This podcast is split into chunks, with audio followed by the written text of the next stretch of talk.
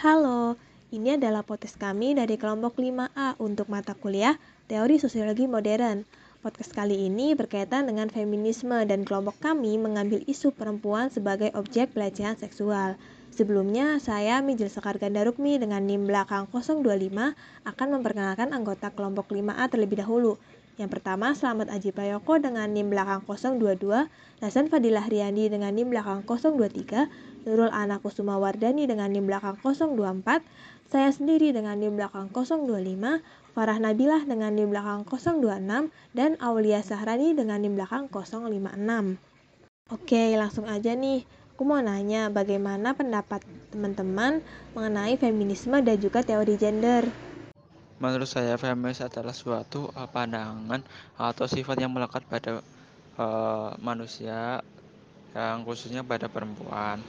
Nah, kata feminis sendiri secara ekologi ialah feminis dari bahasa Latin yaitu femina atau dalam bahasa Inggris femine artinya memiliki sifat keperempuan. Kemudian kata tersebut ditambahkan is menjadi feminis yang berarti paham keperempuan yang ingin mengusung isu-isu gender yang berkaitan dengan nasib perempuan dalam segala sektor kehidupannya. Nah, di sini juga uh, Research dan Goodman itu juga menyebutkan bahwa teori feminis mengembangkan sistem gagasan tentang kehidupan masyarakat yang mengoposisikan perempuan sebagai objek dan subjek sebagai pelaku dan orang yang mengetahuinya. Oke, eh, menurut saya sendiri feminisme itu adalah sebuah gerakan eh, dari perempuan ya yang menuntut gitu emansipasi atau kesamaan dan keadilan hak eh, dengan pria gitu loh. Terus feminisme itu sendiri sebenarnya tuh belum ada apa namanya abstraksi atau pengertian yang secara spesifik karena apa? Karena feminisme itu sendiri tidak berasal dari sebuah teori atau konsep yang didasarkan atas uh, formula teori tunggal gitu. Jadi uh, sampai sekarang juga uh, untuk pengertian secara spesifik dan pengaplikasiannya feminisme bagi seluruh perempuan di sepanjang masa ini belum belum ada gitu. Terus Eh, pengertian feminisme itu sendiri uh, jika menurut Najmah dan Khatimah Saidah dalam bukunya yang berjudul Revisi Politik Perempuan tahun 2003 halaman 34 menyebutkan bahwa feminisme adalah suatu kesadaran akan penindasan dan eksploitasi terhadap perempuan yang terjadi baik dalam keluarga, di tempat kerja maupun di masyarakat serta adanya tindakan sadar akan laki-laki maupun perempuan untuk mengubah keadaan tersebut secara leksial. Jadi feminisme itu adalah gerakan yang menuntut persamaan hak gitu e, sepenuhnya antara kaum perempuan dan laki-laki. E, Oke, okay, kayak gitu. Oke, okay. tadi kan uh, kita sudah bahas mengenai feminisme ya dan teori gender secara umum. Nah, aku mau nanya lagi nih, bagaimana pendapat teman-teman mengenai isu-isu feminis di kalangan masyarakat saat ini? Nah iya jadi kalau menurut aku sendiri isu feminisme ini lebih ke memperjuangkan kesetaraan hak antara perempuan dengan laki-laki.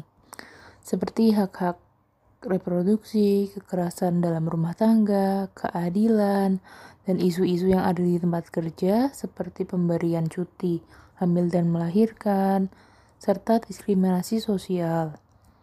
Nah, untuk sebab munculnya gerakan feminisme ini sendiri tuh karena kondisi perempuan yang dipaksa untuk bisa berperan ganda, seperti ibu rumah tangga yang dituntut harus bisa mengurus rumah, pemuas nafsu seksual suaminya, dan juga seorang istri yang bekerja sebagai buruh yang juga harus bisa mengurus urusan rumah. Nah, terus selain itu wanita yang bekerja juga sering mendapat eksploitasi habis-habisan karena dianggap produktivitasnya lebih rendah dibanding dengan laki-laki. Nah, dalam konsep modern ini, perempuan tuh selalu menjadi subjek yang berlawanan dengan laki-laki. Paradigma dan kajian tentang feminisme ini sedang berkembang. Tapi banyak juga laki-laki yang masih memandang sebelah mata mengenai isu feminisme ini. Kalau menurut aku gitu. Nah, terus gimana sih isu feminisme di zaman sekarang ini? Oke, Farah. Hmm, teman-teman kita mau bahas nih ya. Jadi gimana sih feminisme di zaman sekarang? Itu kan. Jadi sebenarnya kalau feminisme ini kan udah terjadi dari zaman dulu ya. Nah, uh, hingga saat ini tuh masih ada aja ternyata meskipun dulu Kartini sudah memperjuangkan hak-hak perempuan, tetapi pada kenyataannya zaman sekarang hak perempuan ini tidak 100% terpenuhi. Oke, jadi uh, isu ini tuh masih sepenuhnya belum sepenuhnya terselesaikan. Feminisme ini itu bukan sekedar gerakan perempuan ya uh, yang bertujuan di mana mereka tuh pengen mendapat superioritas dari kaum laki-laki. Tidak sepenuhnya tidak sekedar seperti itu ya Farah. Nah, jadi zaman sekarang ini uh, lebih memperjuangkan mengenai norma gender dan masalah dalam lingkungan sosial seperti pendidikan, pekerjaan dan lain-lainnya. Tuh. Sebenarnya udah banyak sih gerakan-gerakan feminisme itu sendiri. Salah satunya Women's March di mana kegiatan itu tuh disuarakan di jalan-jalan gitu. Terus apa sih perbedaan feminisme zaman dulu dengan sekarang? Jadi kalau zaman dulu itu kan terkendala di struktur sosial politik yang masih kaku dan masih kurangnya komunikasi ya. Tapi kalau zaman sekarang nih udah lumayan enak nih karena udah banyak platform-platform yang menjangkau uh, manusia yang jauh untuk saling terhubung gitu. Jadi zaman sekarang juga uh, lebih memperjuangkan tentang penerimaan transgender, body positivity dan lain-lainnya. Wah, ternyata banyak juga ya variasi isu-isu yang beredar di masyarakat mengenai feminisme ini. Nah, tapi berkaitan dengan isu yang tadi teman-teman udah sebutin ini, faktor apa aja sih yang menyebabkan perempuan lebih sering menjadi korban pelecehan seksual? Iya, aku mau coba jawab tentang apa aja sih faktor-faktor yang menyebabkan perempuan sering menjadi korban pelecehan seksual. Uh, kalau menurut aku sendiri ada lima faktor. Yang pertama itu faktor budaya kita yang masih sering meninggikan derajat laki-laki. Uh, jadi budaya ini tuh membuat masyarakat lebih mengistimewakan atau menganggap laki-laki memiliki status yang lebih tinggi dari perempuan. Untuk faktor yang kedua, itu ada tingkat pendidikan perempuan yang lebih rendah. Hal ini menyebabkan perempuan sulit untuk mendapat pekerjaan dan cenderung akan mengandungkan hidupnya kepada laki-laki. Terus untuk faktor yang ketiga sendiri itu ada kurangnya pendidikan seksual. Nah, harusnya tuh dari kita kecil sedini mungkin itu tuh diterapkan tentang pendidikan seksual. Jadi pas kita udah dewasa udah mengerti tentang pelecehan seksual itu kita bisa mengantisipasi hal itu.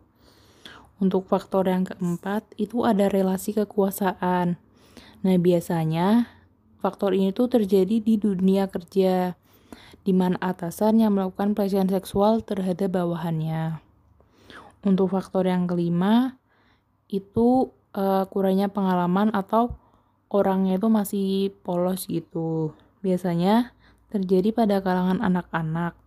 Hal ini menunjukkan bahwa pelecehan seksual dapat terjadi pada siapa saja. Itu menurut aku. Setuju banget nih sama penjelasan dari Farah. Selain faktor-faktor tadi, ada juga loh faktor risiko yang bisa meningkatkan kemungkinan perempuan untuk menjadi korban pelecehan seksual. Nah, beberapa faktor risiko ini antara lain, pertama, perempuan yang berusia muda, Kedua, perempuan yang punya riwayat dianiaya saat kecil atau pernah menjadi korban pelecehan seksual karena bakal ada trauma yang membuat mereka sulit untuk melindungi diri sendiri. Yang ketiga, perempuan yang menggunakan nafza karena masih ada pengaruh dari zat-zat tadi yang membuat mereka belum sepenuhnya sadar.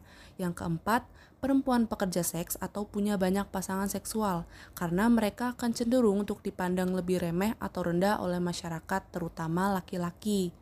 Yang kelima, perempuan yang hidup di lingkungan masyarakat yang menerapkan sanksi ringan terhadap pelaku pelecehan seksual. Yang keenam, perempuan yang hidup dalam masyarakat penganut peran gender tradisional. Misalnya nih, perempuan cuma bisa ngurus rumah tangga aja, sedangkan laki-laki itu bisa bersekolah dan bekerja. Dan terakhir, perempuan yang hidup dalam masyarakat dengan ideologi seksual sebagai hak laki-laki. Jadi laki-laki ini bebas untuk memuaskan hasrat seksualnya sedangkan perempuan tidak diberikan hak atau pilihan untuk menolak. Nah, kalau ada perempuan yang tinggal di lingkungan dan mengalami salah satu atau beberapa riwayat yang udah disebutkan tadi, itu bisa meningkatkan risiko menjadi korban pelecehan seksual. Tapi, Tentunya hal ini tidak mutlak dan akan berlaku sama ya teman-teman, karena semua kembali lagi pada diri individu masing-masing. Ternyata banyak juga ya faktor yang menjadi pendorong perempuan lebih sering menjadi korban pelecehan seksual. Kemudian bagaimana pendapat teman-teman mengenai isu yang sudah tidak asing lagi nih, e, yaitu perempuan sebagai objek pelecehan seksual dan apa sih kaitannya dengan feminisme? Uh, Oke, okay, uh, jadi untuk tanggapan saya sendiri mengenai isu perempuan sebagai objek pelecehan seksual dan jika dikaitkan dengan feminisme itu eh, karena eh, perempuan jika dilihat dari apa namanya eh, bentuk tubuh lebih cenderung eh, menjadi objek karena apa?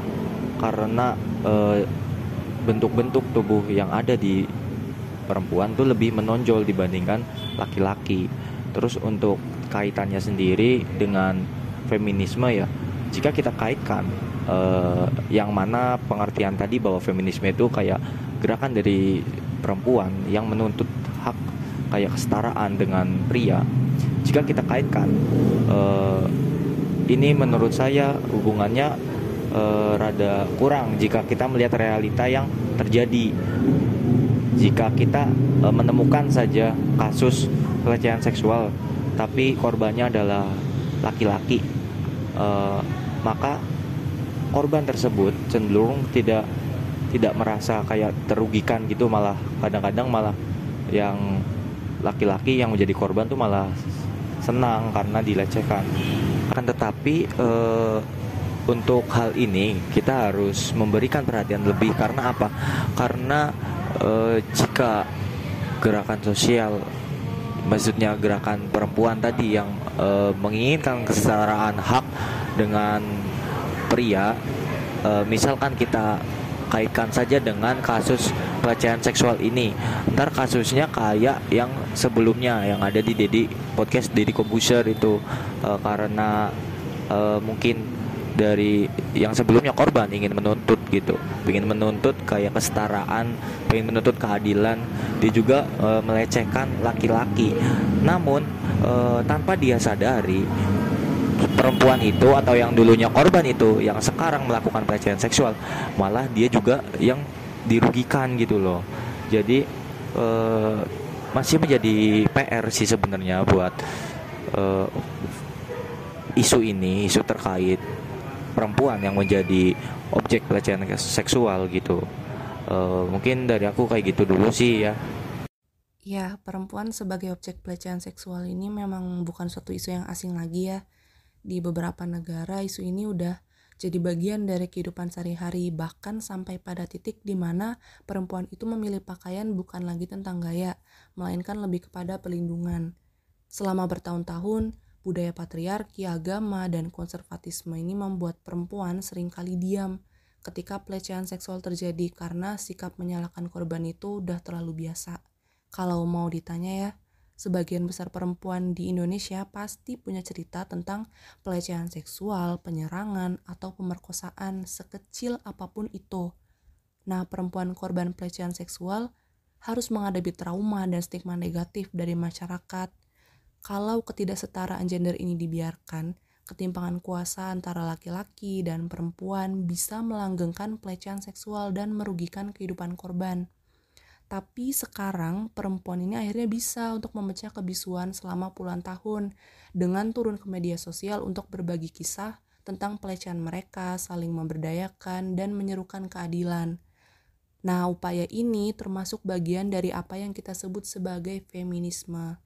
Memang idealnya perempuan itu punya hak dan kesempatan yang setara dengan gender lainnya.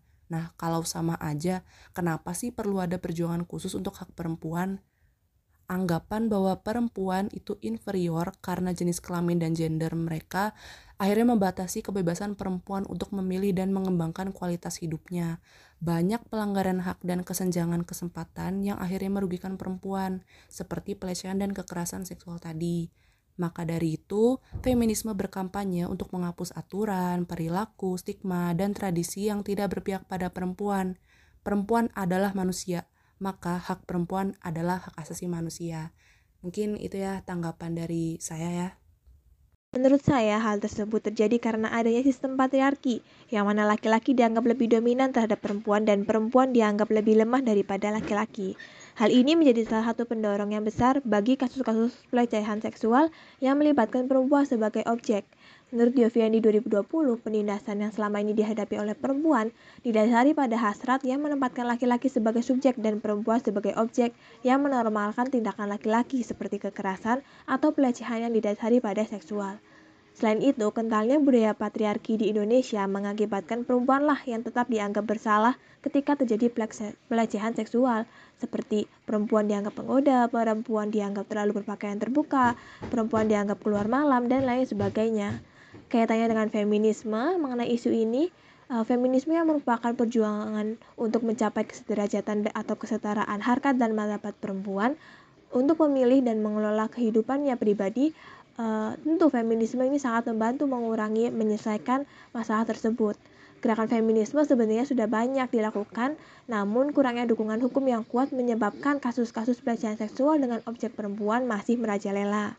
Oke, setelah tahu nih apa itu feminisme, isu-isu yang berada di masyarakat, isu terkait perempuan yang selalu menjadi objek pelecehan seksual, lantas menurut teman-teman bagaimana sih caranya agar kita dapat meminimalisir isu tersebut? Nah, bener banget nih di Indonesia sendiri tuh kan emang lagi gempar banget ya lagi marak-maraknya kasus pelecehan seksual. Terus yang jadi pertanyaan gimana sih cara kita mencegah agar uh, tidak terkena pelecehan itu? Nah, yang pertama itu adalah where is the care. Jadi uh, usahakan ya kita tuh selalu waspada di mana pun dan kapan pun karena pelaku itu uh, tidak bisa ditebak siapa dia, di mana dia. Jadi kita harus selalu waspada. Lalu poin kedua adalah jangan takut untuk speak up dan bertindak tegas. Tuh, kita juga harus mengedukasi orang-orang sekitar kita nih tentang betapa pentingnya sih mencegah terjadinya pelecehan seksual itu sendiri. Mungkin kan dari kitanya nih udah aware ya, tapi kadang kan dari orang lain itu nggak menutup kemungkinan juga kalau mereka itu masih clueless, masih takut, bahkan masih abai dengan yang namanya penanggulangan pelecehan ini. Dan sering kali pelecehan ini tuh dianggap sebagai bahan percandaan ada beberapa orang yang menormalisasikan hal tersebut gitu. Jadi kita dari kita sendiri itu harus aware dan kita juga harus saling menjaga satu sama lain seperti itu. Nah, tapi gimana sih kalau misal kita ini udah terlanjur jadi korban pelecehan nih? Mungkin Mas Aji bisa menjelaskan gimana sebagai korban kita harus bersikap untuk menghadapi hal tersebut. Uh, menurut saya untuk mengatasi pelecehan seksual itu dengan cara yang pertama itu uh, ngelihat korbannya atau korbannya itu harus sadar diri uh, bahwa uh, pelecehan seksual itu kenapa sih kepada kita ya beratnya yang kepada si korban gitu kan terkadang uh, perempuan menggunakan baju terbuka terus juga uh, mengundang para uh, lelaki untuk melakukan hal semacam itu. Nah, menurut saya uh, salah satunya tuh dengan cara menutup atau uh, berpakaian dengan yang layaknya gitu. Terus yang kedua, bagaimana cara untuk mengubah pandangan para kaum laki-laki terhadap pelecehan seksual tersebut. Nah, kan kita ter terkait dengan korbannya ketika korbannya tuh uh, penggunaan pakaian itu tidak menonjol atau tidak apa pastinya kan dalam kaum kaum laki-laki uh, maaf itu biasa-biasa saja itu terus yang kedua tuh pelakunya tuh uh, ada suatu Sekian podcast kelompok 5A terkait isu perempuan sebagai objek pelecehan seksual. Kesimpulannya adalah Feminisme merupakan suatu pandangan atau suatu sifat yang melekat pada manusia, khususnya perempuan. Perempuan yang selalu dieksploitasi oleh laki-laki dalam kehidupannya yang menimbulkan anggapan bahwa perempuan lebih lemah dibandingkan laki-laki atau perempuan tidak bisa apa-apa tanpa laki-laki. Hal tersebut didukung oleh beberapa faktor mengapa perempuan dianggap lebih lemah seperti kurangnya pengalaman, kurangnya pendidikan, adanya budaya patriarki, serta relasi kekuasaan. Selain itu, kentalnya budaya patriarki dan adanya perspektif masyarakat yang selalu menganggap salah perempuan yang menjadi korban tentu suatu hal yang perlu dibenahi. Hal tersebut dapat diminimalisir dengan adanya gerakan feminisme, memberikan edukasi bahwa tidak semua hal bisa disalahkan pada perempuan, serta adanya dukungan hukum yang kuat. Sekian dari kelompok 5A. Apabila terdapat kesalahan, kami mohon maaf sebesar-besarnya. Terima kasih.